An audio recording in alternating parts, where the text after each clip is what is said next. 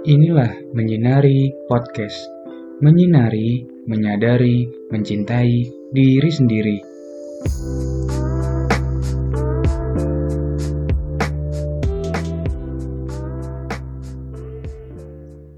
Halo teman menyinari, selamat datang di podcast Bincang-Bincang Kisah dengan aku Syahla Quina.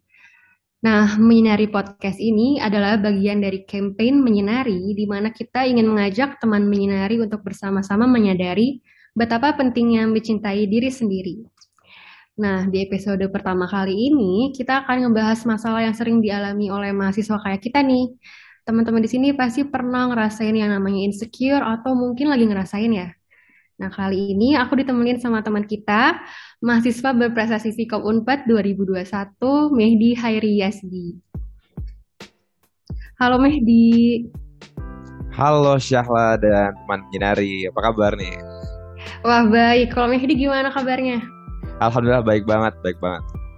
Sebelumnya makasih banget ya udah mau nih sharing-sharing sama kita, sama teman menyinari. Pasti banyak banget yang nungguin dari teman menyinari. Karena kan Mehdi ini banyak banget kan prestasinya. Aduh, sebelumnya satu kehormatan banget nih diundang sama menyinari .id atau podcast ini bener-bener kayak seneng banget nih kok bisa gitu diundang sama menyinari padahal bukan siapa-siapa gitu. Wah, kebetulan kan kita ini benar-benar terinspirasi ya, apalagi kan Mehdi ini sering nge-share tentang self-development gitu kan. Hmm. Jadi pasti berhubungan nih sama apa yang pengen kita sampaikan ke teman menyinari. Sebelum kita mulai, aku pengen tanya dulu deh sama Mehdi. Sekarang aktivitasnya apa aja sih?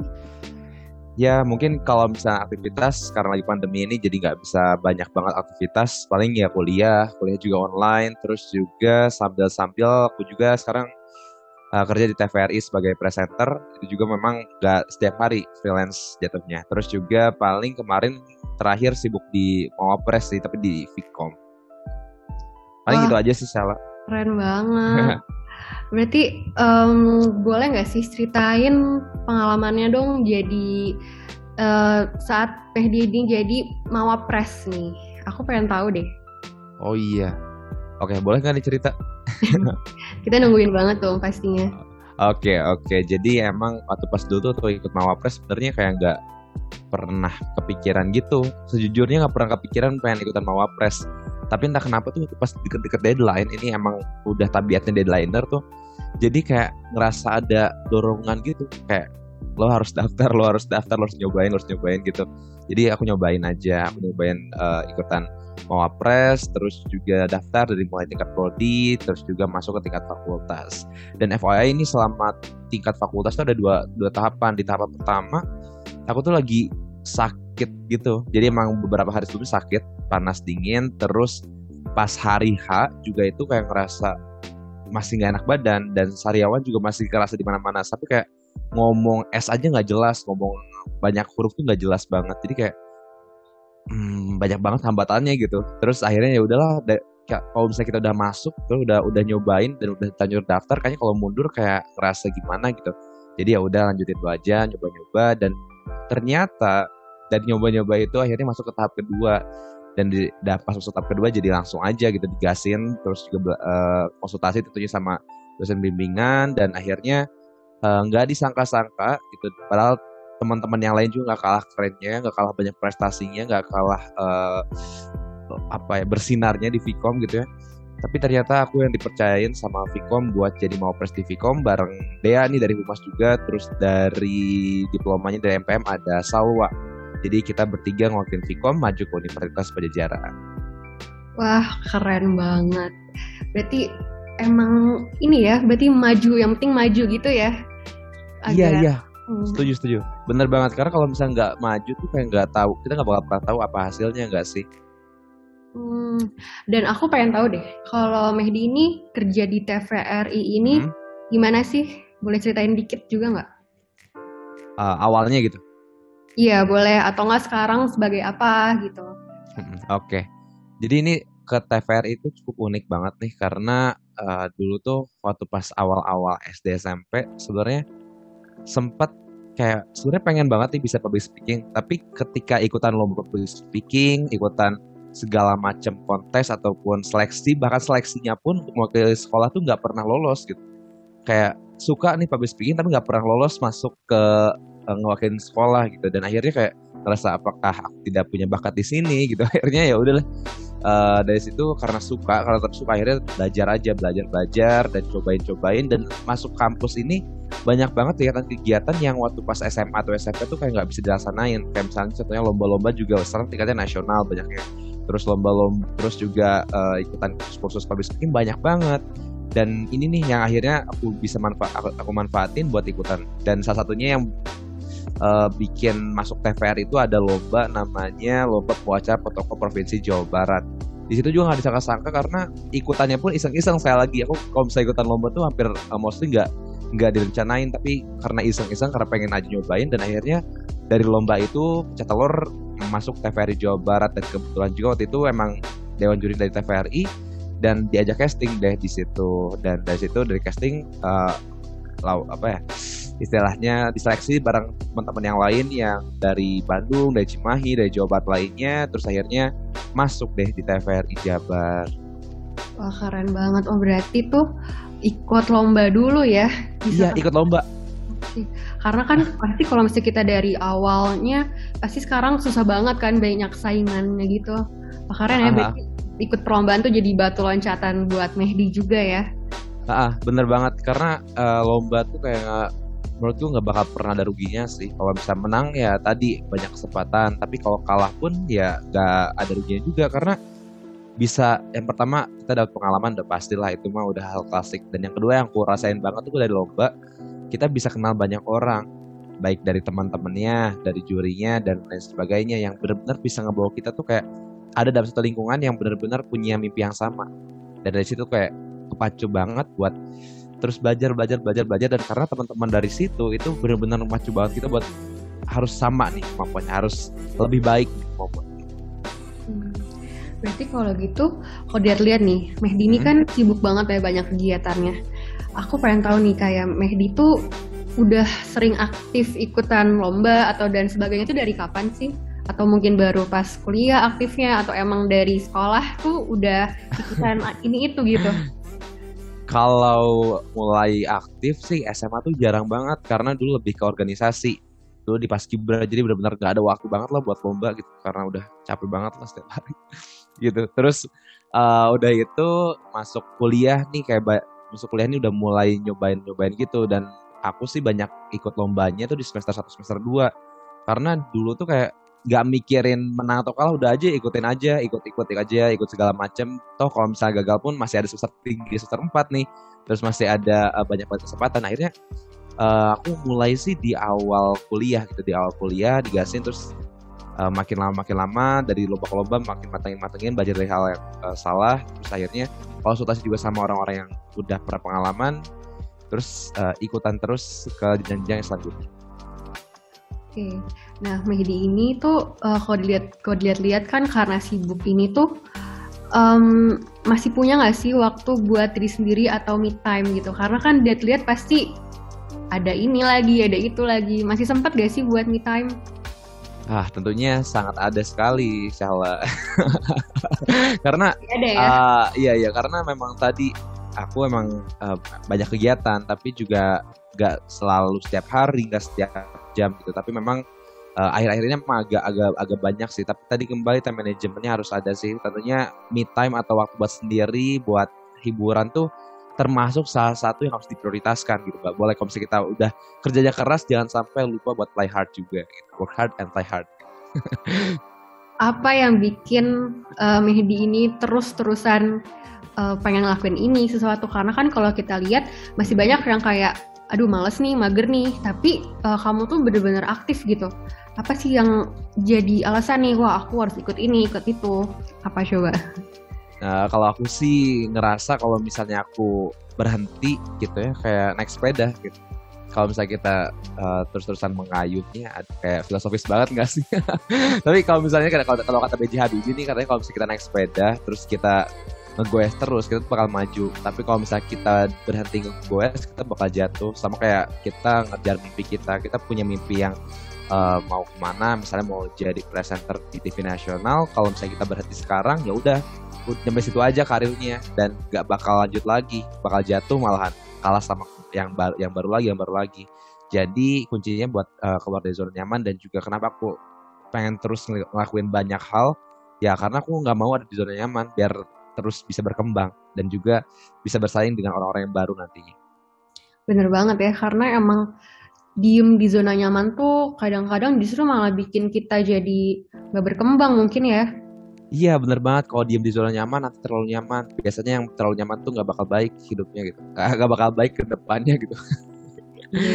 Jadi nanti jangan terlalu nyaman. jangan terlanjur nyaman juga. Iya betul. jangan terlalu nyaman. Oke, dan kalau Mehdi ini pernah nggak sih ngerasa insecure gitu dalam perjalanannya?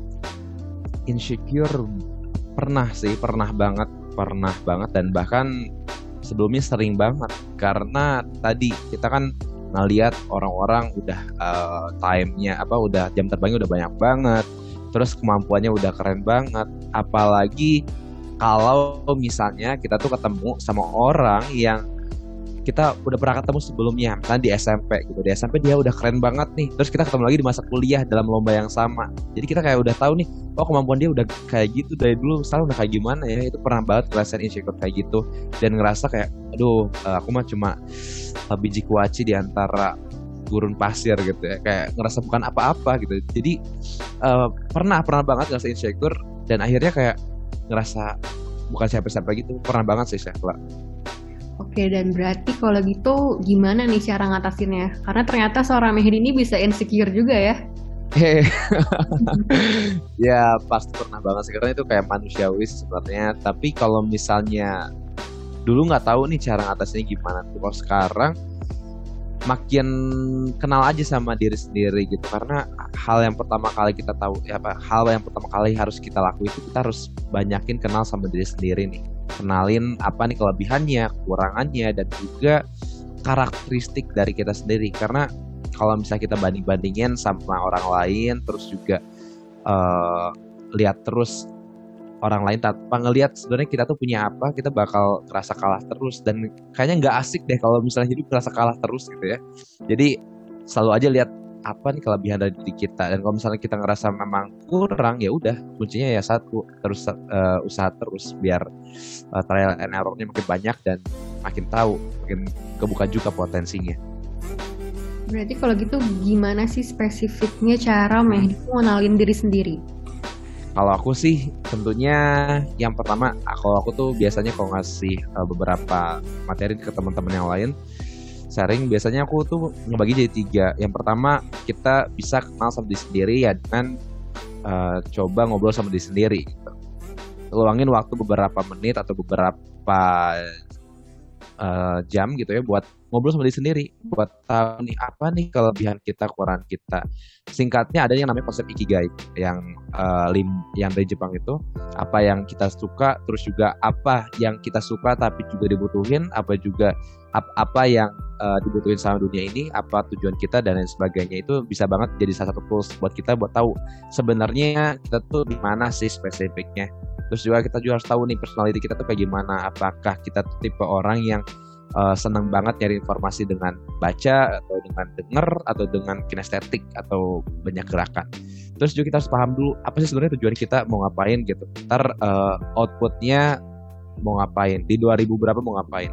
Kalau misalnya udah tahu nih tujuan misalnya 2045 mau jadi uh, moderator debat presiden, at least kalau misalnya kayak tahu kayak gitu kita nggak bakal nggak bakal nggak bakal mungkin dong diem doang. Sekarang kalau bisa pengen jadi moderator debat presiden 2045 harus banyak banget pikiran-pikiran yang kita lakuin. Jadi uh, menurutku cara buat uh, tadi uh, cara buat tahu kenal kita siapa itu pertama ngobrol sama diri sendiri. Yang kedua kita coba bisa tanya ke orang lain juga dengan uh, bikin sesi ngobrol bareng sama orang lain. Tapi harus orang-orang yang udah dekat sama kita. Jangan sampai dia bias dengan uh, kedekatan sama kita atau juga jangan sampai dia bias karena dia benci sama kita. Jadi harus benar-benar cari orang yang pas dan bisa kita uh, percaya buat cari tahu kelebihan kurang kita. Dan yang ketiga bisa banget nih uh, daftar ke psikolog-psikolog yang online ataupun yang offline supaya kita juga tahu sebenarnya kita tuh apa, siapa dan mau apa. Berarti Mehdi ini salah satu orang yang uh, kayak cari nih, wah di gue ini siapa nih? Pasti kayak gitu. Mm -hmm. Iya, iya, iya eh iya iya bener Berarti kayak Mehdi juga sering dong kayak misalnya ngobrol-ngobrol nih sama psikolog untuk tahu em, kayak kan kalau di psikolog, psikolog tuh suka ada ya kayak tes eh, kepribadian gitu-gitu. Apakah suka ikutan juga? kalau tes psikolog secara formal sih kayaknya hampir nggak pernah kecuali waktu dulu ya waktu pas awal-awal tapi emang dari awal tuh diarahin buat nyari tahu siapa diri aku sendiri. Dan menurutku buat zaman sekarang nih nggak harus bukannya nggak penting ya tapi memang untuk instannya atau untuk ngas untuk nyari cepetnya kita nggak nggak harus datang ke psikolog profesional secara formal gitu. Tapi kita bisa banget lewat platform-platform lain. Banyak banget startup startup psikologi. Kayak contohnya ada lah brand-brand gitu ya. Terus juga kita juga bisa banget nih cari ada website-website yang bisa banget ngarahin kita buat maju ke tujuan kita. Buat cari tahu sebenarnya kita tuh eh cara buat nyampe impiannya gimana sih dengan in- dengan question-question yang mereka kasih itu bisa banget ngebantu kita mau ke mana sih. Jadi kalau aku selama ini jarang banget ke psikolog atau bahkan hampir nggak pernah buat masa-masa muda kayak gini tapi aku sering banget baca-baca buku-buku tentang uh, self development juga terus juga ngobrol sama orang-orang yang punya uh, concern yang sama dan juga pengen banget bisa ngembangin dirinya gitu. Oke, berarti memang penting banget ya untuk mengetahui siapa nih diri kita ini. Betul betul. Mau tentang self development. Kan kalau Hmm. aku lihat di Instagramnya Mehdi juga, Mehdi suka nge-share ya tentang kayak eh, tips-tips atau self development pokoknya yang berhubungan. Nah, kenapa sih apa yang bikin Mehdi itu sering gitu atau pengen nge-share ini ke orang-orang gitu? Jujur uh, hal ini tuh jadi jadi concern udah lama jadi kayak apa ya? Jadi kayak pengen pengen banget ngasih ini dari udah lama. Yang pertama karena uh, banyak banget hal-hal yang sebenarnya penting tapi nggak diajarin di sekolah formal. Kadang-kadang kita fokusnya ke pelajaran-pelajaran formal kayak matematika, bahasa Indonesia, bahasa Inggris, terus IPS, IPA segala macam. Itu penting, penting banget. Tapi juga kita juga harus bener-bener ada yang namanya uh, hal-hal yang harus dipunyain kayak soft skill soft skill tadi. Kayak contohnya aku sering nge-share juga tentang gimana caranya kita buat nggak insecure lagi, gimana caranya kita buat eh, nggak lagi body shaming sama orang lain, gimana caranya kita sebenarnya kalau misalnya ngadepin orang-orang yang eh apa toxic tuh kayak gimana sih gitu. Terus eh, gimana caranya kita bisa ngatur waktu kita semaksimal mungkin dan lain sebagainya. Karena yang pertama itu nggak nggak diajarin di sekolah formal. Jadi aku aku kira itu penting banget buat kita uh, miliki. Dan yang kedua, uh, aku rasa kalau misalnya kita punya hasil bacaan atau juga hasil seminar segala macam, kalau misalnya kita cuma inget-inget doang, terus juga uh, di didiemin di kepala kita doang, kayaknya bak lama kelamaan bakal hilang dan udah lupa lagi aja gitu. Jadi menurutku cara paling efektifnya adalah dengan pertama uh, pahami dulu, terus juga share ke orang lain supaya nanti juga memicu kita buat lebih uh, ingat lagi sama materi-materi yang kita dapetin. Oke, berarti nih Mehdi ini eh, sangat ini ya, sangat mengaplikasikan self eh, compassion sebenarnya karena jadi dia tuh ingin jadi tuh pengen mengenalin diri sendiri, berguna untuk diri sendiri, kemudian nge-share ke orang lain. Gitu ya kalau dilihat-lihat. Jadi em, kalau Mehdi sendiri nih, kalau menurut Mehdi self compassion tuh penting gak sih? Hmm, penting banget sih menurutku. Karena tadi ya kalau misalnya kalau misalnya mungkin buat teman-teman yang masih agak abu-abu sama self compassion ini koreksi ya kalau misalnya aku salah Syawa self compassion tuh kayak ini kan ya apa eh, gimana cara kita buat sayang sama diri kita sendiri gimana caranya kita buat nggak ngebanding bandingin diri kita sama kita, eh, orang lain gitu. Ya menurutku sangat penting banget karena kita tuh hidup di dunia ini kita punya misinya sendiri-sendiri kalau menurut aku ada orang yang punya misinya buat jadi wirausaha, ada orang punya misi buat jadi mawapres, ada orang punya misi buat jadi presenter, misalnya ada orang juga punya misi buat jadi olahragawan. Jadi semua orang punya misinya masing-masing yang tentunya nggak bisa dibandingin sama orang lain dan juga punya tracknya sendiri. Jadi kalau misalnya kita bandingin track kita sama track orang lain, langkah kita sama langkah orang lain yang tentunya berbeda, kita nggak bakal nemu nih karena itu nggak apple to apple malah apple to orange atau apple to durian atau apple to dragon fruit maybe so menurutku jadi uh, penting banget biar kita tuh bisa ya minimal nggak ngerasa stres sama hal-hal yang sebenarnya nggak harus stresin gitu Oke. Dan kalau untuk masalah kuliah nih ya, kita kan pasti lagi sering banget atau banyak ya teman-teman kita atau bahkan kita juga lagi ngerasa kurang motivasi nih atau Hmm. demotivasi. Nah, kalau Mehdi pernah gak sih ngerasain hal itu? Eh, pernah-pernah aja dan mungkin sering banget nih kalau di masa-masa online kayak gini. Awalnya sih kayak semangat banget ya, terus akhirnya masih turun banget karena banyak hal, karena banyak faktor. Salah satunya mungkin karena ngerasa bahwa kita tuh nggak diperhatiin sama dosen, terus juga nggak ya kayak nggak mood aja ada masanya itu aku pernah merasakan tuh dan sering banget malahan ngerasain kayak gitu. Apalagi em, di masa ini ya, karena aku juga ngerasain nih, karena udah mau online, jadi nggak ketemu sama teman-teman gitu, nggak Mhm. ketemu sama dosen juga gitu kan, kan jujur aja nih kan kalau online tuh kadang kita bisa pikiran tuh ke mana-mana ya, jadi Iya iya suka benar-benar. kayak aduh males nih pasti gitu terus kayak Hmm. tugas ya tugas apa lagi jadi kayak nggak kepush gitu ya rasanya terus Iya, cara iya. ngobrolnya gimana sih versi Mehdi? Kalau versi aku sih, aku biasanya pakai cara-cara yang agak-agak gimana gitu. Tapi aku cara salah satu cara aku biar aku motivasinya tinggi ya aku nyalain kamera sih. Karena kalau sudah nyalain kamera kayak udah gak ada alasan lagi buat buat eh, nggak merhatiin karena pasti kelihatan. Terus itu yang pertama. Terus yang kedua juga biasanya aku eh, siapin tempat belajar tempat belajar aku dengan tempat belajar yang baik gitu. Kayak misalnya mejanya berantakan ya beresin dulu mejanya, kalau bisa kursinya berantakan ya kursinya beresin dulu. Pokoknya bikin tempat belajar kita tuh nyaman banget. Karena percaya nggak percaya nih kalau misalnya kita eh, kondisinya berantakan, kayak misalnya mejanya berantakan, terus juga kita pakai bajunya asal-asalan, itu kayak ngaruh banget ke eh, kondisi belajar. Kalau aku sih gitu ya, nggak tahu teman-teman mungkin punya cara sendiri. Tapi kalau misalnya menurutku, kalau versi aku sendiri, aku biasanya gitu. Yang pertama aku on cam kalau misalnya memang memungkinkan, terus juga aku eh, rapi-rapiin dulu deh dari sekitar aku supaya lingkungannya mendukung. Tapi bener banget sih, aku juga ngerasain kayak kalau nggak on cam tuh, kayak kita masih bisa nih pikiran ke mana-mana. On cam aja tuh masih bisa ya pikiran Iya ke mana-mana. iya, Apalagi kayak kita yang nggak nyalain kamera, kayak orang nggak tahu kita ngapain, kayak ya udah aja gitu pikiran ke mana-mana. Bener. bener banget, bener banget. jadi Karena tips buat gak demot ya buat orang-orang. Iya iya itu jadi memang yang satu yang pertama itu bisa bikin kita nggak demot lagi tapi yang kedua juga itu kayak ngehargain juga sih ngehargain bapak ibu dosen kita yang udah benar-benar nyiapin materinya kalau masalah nggak salah kemarin itu sering banget dengar dari salah satu dosenku kalau misalnya sebelum ngajar nih dosen-dosen tuh ada selalu ada rapat kecil bareng tim-tim dosen yang lain jadi kayak seniat itu loh kayak kalau bisa kita kita nggak on cam terus juga kita nggak perhatiin tuh kayak ngerasa mereka udah nyiapin segede gitu se- semaksimal itu tapi kayak kita nggak nggak nanggapin tuh kayak rasa berdosa banget sih kalau aku Iya sih, bener banget. Karena kan kita nggak tahu ya dosen tuh sebenarnya mereka juga pasti jenuh juga kayak Mm-mm. kita. Begitu mereka ngajar, mungkin mereka juga nggak seneng tapi eh, harus online gini. Tapi pas lihat eh, pas lihat online tuh orang-orang atau murid-murid pada on cam kan pasti jadi ke bawah Jadi, juga iya, ya.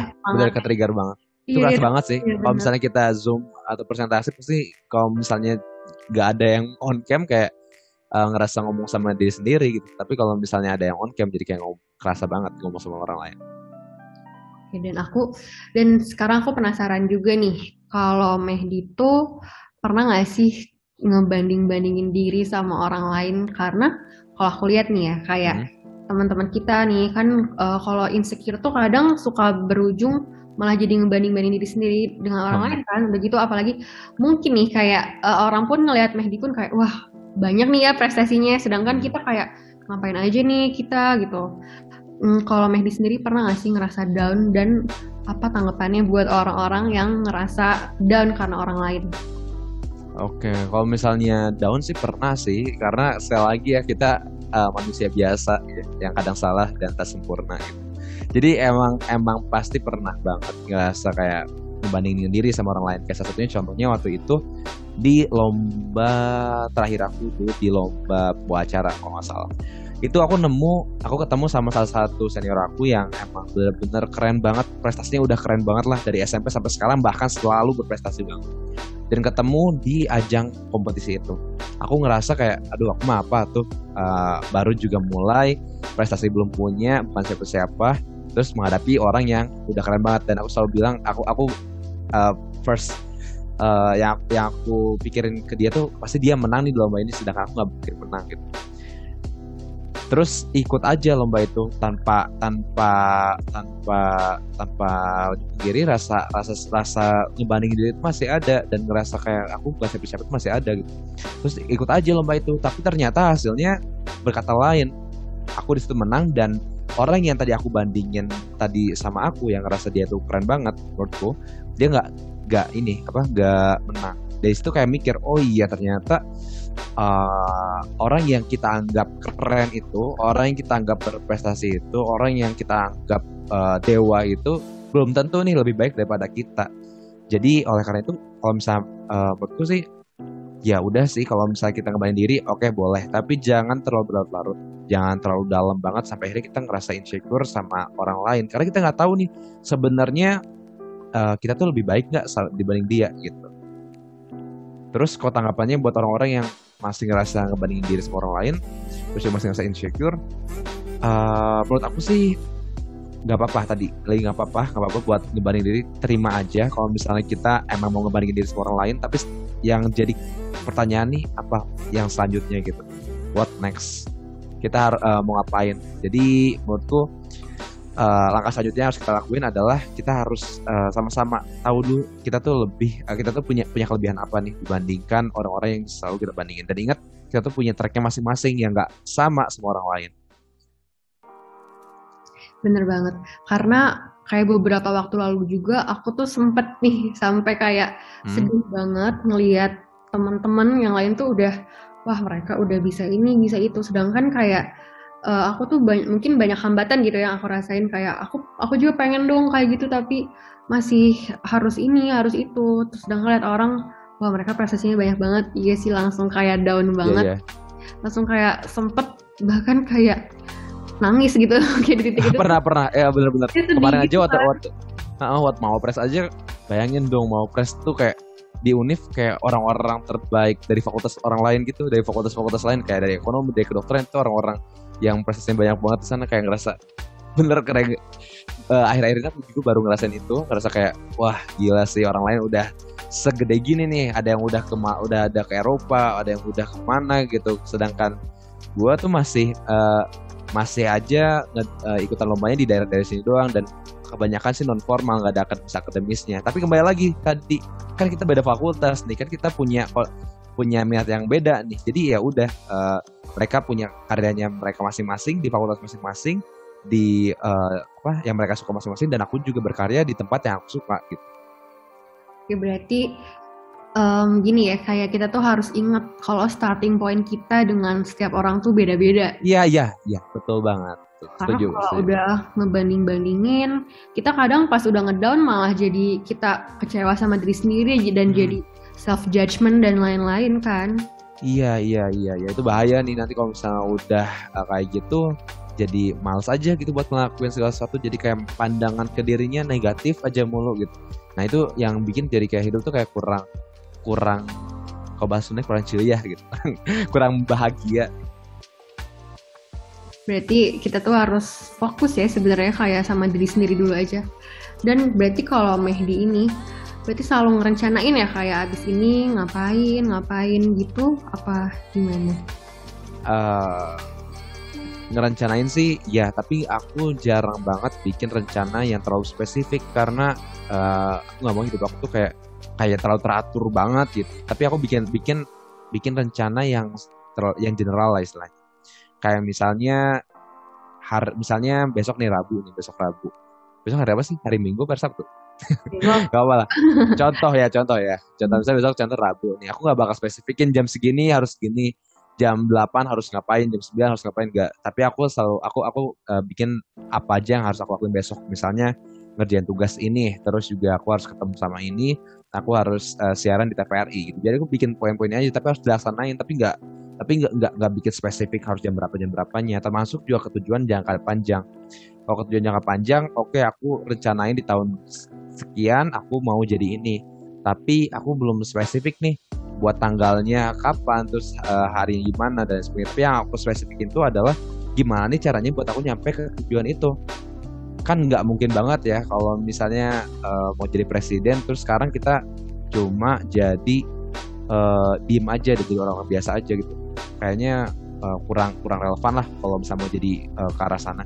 So yang harus kita lakuin sekarang ya siapin aja kayak misalnya mau jadi presiden ya sekarang coba cari ajang-ajang yang bisa naikin kredibilitas kita. Gimana cara kita bisa ketemu sama banyak orang gimana cara orang lain percaya sama kita gimana cara kita jadi pemi, uh, belajar jadi pemimpin dan lain sebagainya. Jadi biasanya sih gitu sih Syahla dan teman apa sebutannya tadi pendengarnya? Teman menyinari. Teman menyinari iya benar. Jadi kalau aku pribadi sih bikin rencana iya tapi nggak jangan sampai rencana itu bikin kita stres sendiri gitu bener sih karena kita tuh kita kan bikin planning tuh penting banget ya. Mm. tapi um, kalau misalnya planning ini kayak gak sesuai nih sama yang kita pengenin gitu kira-kira Mehdi bakal gimana nih kalau misalnya ngalamin hal itu? Awalnya kecewa tapi tentunya kita tuh harus juga punya backupan punya plan-plan yang lain gitu. Kayak misalnya uh, apa ya kayak misalnya kita pengen jadi uh, apa ya jadi presiden misalnya jadi presiden. Oke okay, uh, pengen jadi presiden. Tapi gimana nih kalau misalnya nggak kecapai gitu? Misalnya kecapai ya udah kita cari hal-hal yang lain yang memang agar relevan. Misalnya jadi gubernur atau jadi bupati atau jadi kalau nggak bisa jadi bupati ya udah jadi camat. Kalau nggak bisa jadi camat ya udah jadi lurah. Kalau bisa jadi lurah ya udah jadi RW kalau misalnya nggak bisa jadi RW ya udah jadi RT deh ya udah kalau misalnya RT juga masih nggak bisa ya udah jadi kepala keluarga lah minimal gitu ya. Jadi uh, sebenarnya masih banyak hal-hal lain yang seru juga yang gak kalah sama rencana kita. Dan memang hidup tuh memang nggak nggak nggak selalu sesuai sama rencana kita kan. Jadi ya udah aja. Emang uh, kayak gitu ya udah. Kita harus bikin minimal bikin plan-plan yang lainnya sih. Kalau aku sih biasanya gitu Shala dan temen menyinari biar kita tuh nggak ngerasa kecewa-kecewa banget dan ngerasa kalah banget. Oke, berarti di sini tuh penting banget ya untuk untuk kayak kita oke okay nih kita tuh tahu kita tuh kayak manusia seutuhnya hmm. gitu ya. Jadi kita harus terima karena kita tuh pasti bisa ngerasain sedih, hmm. gagal, betul betul, atau bahkan marah gitu. Berarti kayak kegagalan juga adalah proses normal ya dalam dalam proses kita gitu. Hmm bahkan kalau misalnya aku baca di salah satu bukunya filosofi teras tuh bilang kita tuh setiap hari harus rencanain kemungkinan terburuk hmm. jadi misalnya hari kita kita kan selalu berekspektasi biasanya ya Allah semoga nggak macet ya Allah semoga uh, apa semoga gak akan bertemu apa gitu. Kita harus rencanain hal-hal terburuknya kan. Misalnya udah pasti hari ini macet terus pasti hujan terus nanti bakal kebasahan gitu. Terus segala macamnya itu bakal kejadian yang buruk-buruk deh. Jadi kita tuh udah udah ngerasa udah tahu oh ya gue bakal ketemu hal buruk ini ya udah. Jadi ya udahlah udah udah tahu bakal kena ini. Tapi kalau misalnya nggak kejadian ya udah bersyukur gitu. Jadi katanya sih kita harus benar-benar siapin hal-hal yang terburuk itu dan selalu siap sama kemungkinan terburuk mungkin kayak ini ya kita tuh harus nerapin quotes ini nih aku tuh sering dengar kayak hope for the best and mm-hmm. prepare for the worst gitu. yes benar banget benar banget benar banget Oke nih, ini dari tadi kan aku terus ya yang nanya. Nah, nah. ini tuh ada beberapa pertanyaan dari teman menyinari nih. Jadi hmm? teman menyinari tuh pengen ikut sharing tentang pengalaman atau proses self compassion mereka ke Mehdi. Kira-kira boleh nggak? Oke, boleh banget, boleh banget. Gimana gimana tuh? Udah ada kah? Ini aku sambil baca-bacain um, dari teman Minari ya. Oke, boleh banget. Aku dia ngomong kalau dia ini insecure banget sama prestasi orang-orang. Nah, tanggapan Mehdi gimana? Nah, Oke, okay. jadi uh, tadi ya kembali lagi ke yang tadi emang uh, orang lain itu kita kita tuh bakal selalu menghadapi orang yang bakal selalu lebih baik daripada kita. Bahkan kalau misalnya seorang Najwa Shihab aja udah keren banget kan di Indonesia gitu.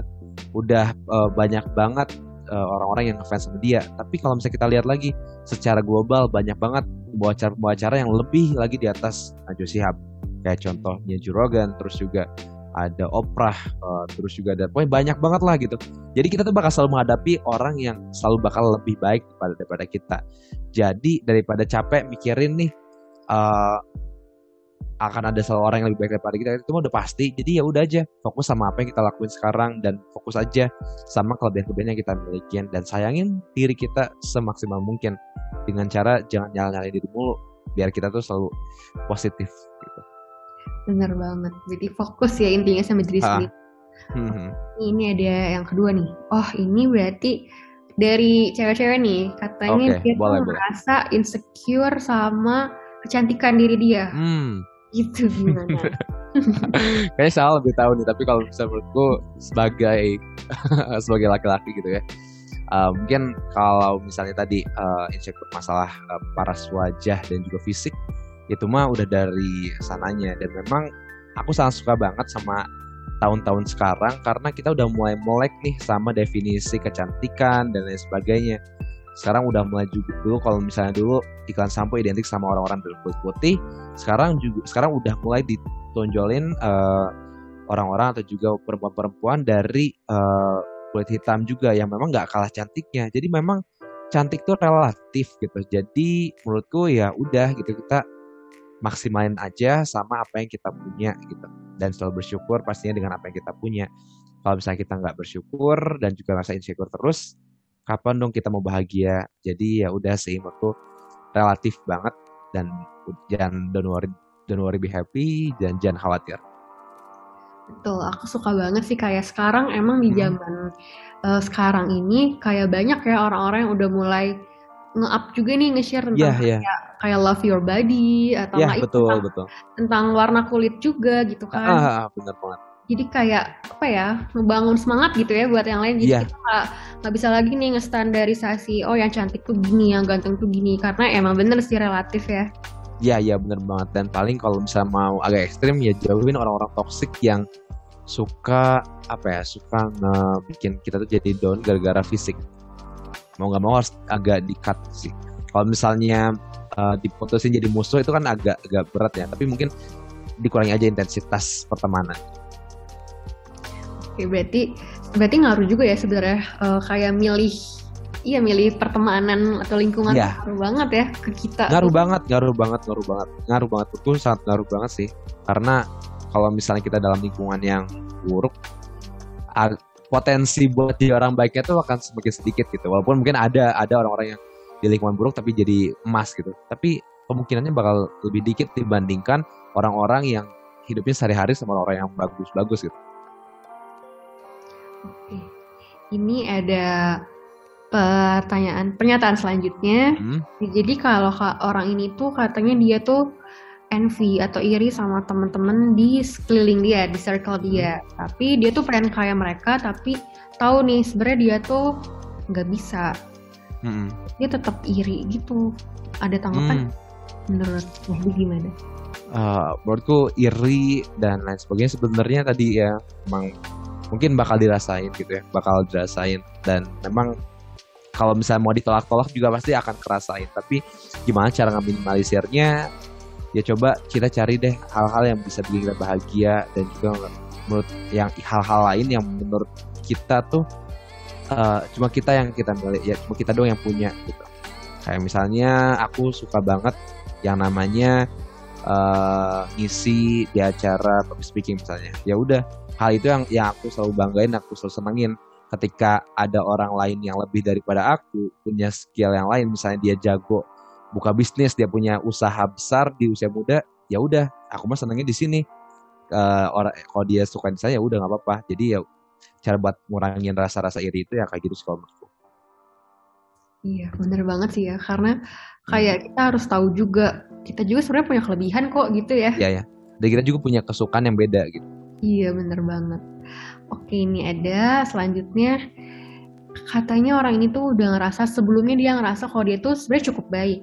Tapi lama-lama dia tuh ngerasa oh ternyata mm, nggak cukup baik juga ya aku katanya mungkin orang-orang kayaknya lebih baik dan dia sekarang jadi udah nggak sayang sama dirinya sendiri. Hmm. Dan dia tuh nanya nih, apa nih dampaknya kalau dia nggak cinta sama diri sendiri? Hmm, gimana ya? Kalau misalnya kita nggak cinta sama diri kita sendiri, siapa lagi yang mau cinta sama diri kita sendiri gitu? Mau nungguin orang lain, apalagi buat orang-orang yang single nih. Buat mau nungguin orang lain sayang sama diri kita, kayaknya agak sulit gitu. Mau nungguin sahabat kita yang sayang sama kita, menurutku oh, kalau misalnya sahabat sahabat sayang sama kita, oke sayang, tapi dia akan lebih sayang juga sama dirinya sendiri. Kalau misalnya kita nggak sayang sama diri kita sendiri, terus kita mau nungguin siapa lagi? Nungguin adik sayang sama kita. Dia bakal sayang tapi tentunya dia bakal pentingin dirinya sendiri bukan kita kalau misalnya hal-hal genting.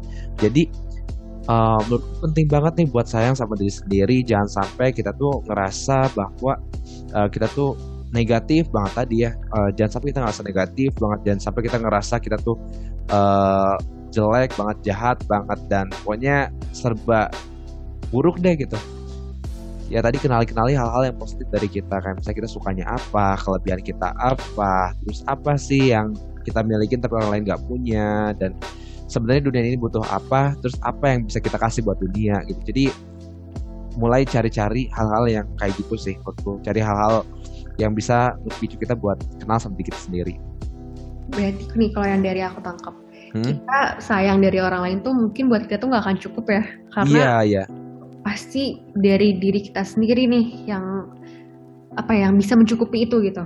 Mm-mm, bener banget karena yang tahu diri kita sendiri ya diri kita sendiri. Kalau misalnya at least, misalnya pacar kamu gitu, pacar kamu tuh uh, tahu tentang diri kamu.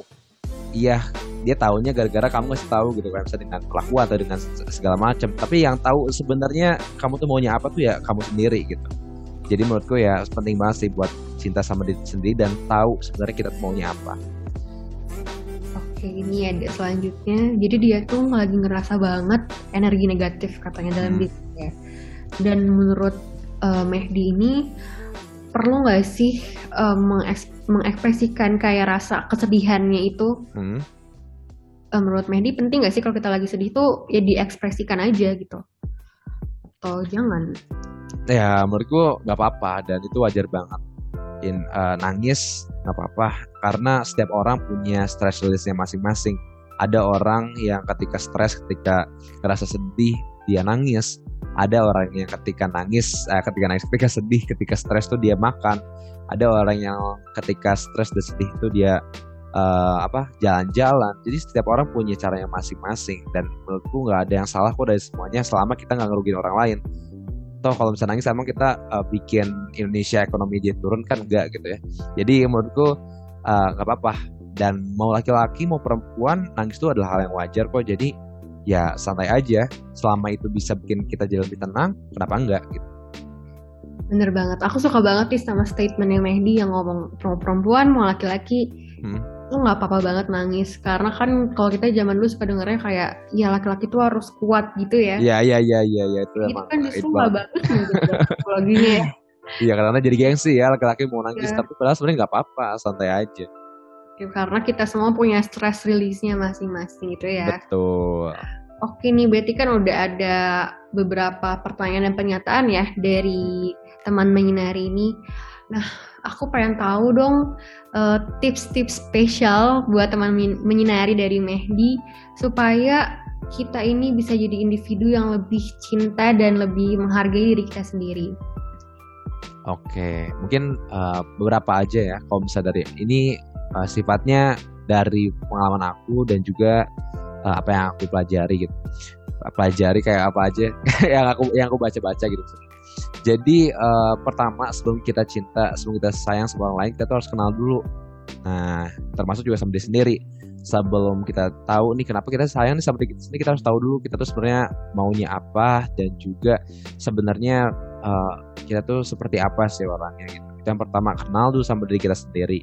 Yang kedua mulai kurang-kurangin deh bandingin sama orang banding bandingin diri sama orang lain karena nggak bakal ada habisnya selalu akan ada orang yang baik selalu akan ada orang yang lebih muda selalu akan ada orang yang lebih uh, mahir dan pokoknya nggak bakal beres-beres gitu. Yang ketiga, kita juga harus mulai cari lingkungan-lingkungan yang memang eh, nggak uh, bikin kita ngerasa toksik, nggak bikin masa kita kayak ngerasa rendah gitu. Jadi cari lingkungan yang pas juga. Dan yang keempat, yang terakhir tapi juga bukan yang paling akhir, ini kita juga harus sudah mulai uh, action gitu, mulai lakuin hal-hal tadi yang aku bilang tadi bukan cuma jadi pikiran doang, bukan jadi cuma uh, bayangan doang, tapi juga jadi diimplementasikan gitu maksudnya. Jadi jangan sampai apa yang kita dapat hari ini tuh nggak uh, jadi cuma apa ya cuma tulisan doang atau cuma jadi materi doang di PPT, tapi juga jadi uh, apa ya kayak uh, pandangan kita buat hidup ke depan gitu. So menurutku harus uh, mulai dilakuin secepat mungkin biar kita bisa uh, hidup lebih bahagia dan lebih senang dan juga bisa ningkatin kualitas diri kita. Wah, dapat ilmu banyak banget ya di sini ya dari Mehdi ini. Waduh, ilmu ya. ilmu betul. Karena nih ya, kalau yang aku tangkep nih berarti hmm. Kayak cinta diri sendiri itu elemen utama untuk siapa pun, di mana pun, dan aktivitas apa pun juga ya. Karena dan kita tuh nggak boleh memaksakan sesuatu karena kita semua ini punya waktunya masing-masing untuk bersinar hmm. ya. Benar, dan, bersinar. Dan kayak kita juga harus pilih lingkungan yang baik mungkin ya supaya hmm. kita bisa ya kita bisa mau ngapain tuh gak kepikiran ini lagi itu lagi. Yo iya benar banget, benar banget. Setuju sama Syahwa. Oke nih, sekarang nih sebelum kita tutup nih, aku penasaran banget nih apa sih rencana Mehdi ini ke depannya? rencana Mehdi ke depannya tentunya yang pasti hidupnya aku pengen hidup uh, lebih senang ya tentunya tadi dengan cara hidup dengan fokus ke tujuan diri kita sendiri jangan sampai kita hidup karena orang karena uh, mencari apa ya mencari pengakuan orang lain hiduplah dengan apa yang menurut kita senang apa yang menurut kita itu keren apa yang menurut kita itu uh, membanggakan apa yang menurut kita suka. Makanya aku ke depannya aku bakal ngelakuin hal-hal itu dan coba mulai sedikit-sedikit belajar buat sayang sama diri sendiri dan juga mulai uh, jauhin hal-hal yang sifatnya toksik tadi. Gitu sih salah paling. Berarti Mehdi ini pokoknya akan selalu melakukan hal yang bikin happy, apa pun itu gitu ya? Iya, selama gak merugikan orang lain ya. Oke, okay, iya, iya bener banget. Nah. Oke, keren banget. Um, Mehdi, terima kasih banyak sudah meluangkan waktu atas ilmu-ilmu yang sudah diberikan buat kita dan buat teman menyinari. Pokoknya selalu good luck buat rencananya Mehdi. Semoga tercapai, lancar, dan semoga amin, selalu amin. menginspirasi teman menyinari. Oke, lancar terus menyinari, teman menyinari, dan juga Syahla dan kawan-kawan. Terima kasih Mehdi. Oke, buat teman menyinari, jangan lupa untuk terus ngikutin kita dan cek selalu Instagram kita di menyinari.id untuk tahu lebih banyak lagi informasi tentang self-compassion. Sampai jumpa lagi teman menyinari. Sampai jumpa semuanya. Dadah. Dadah.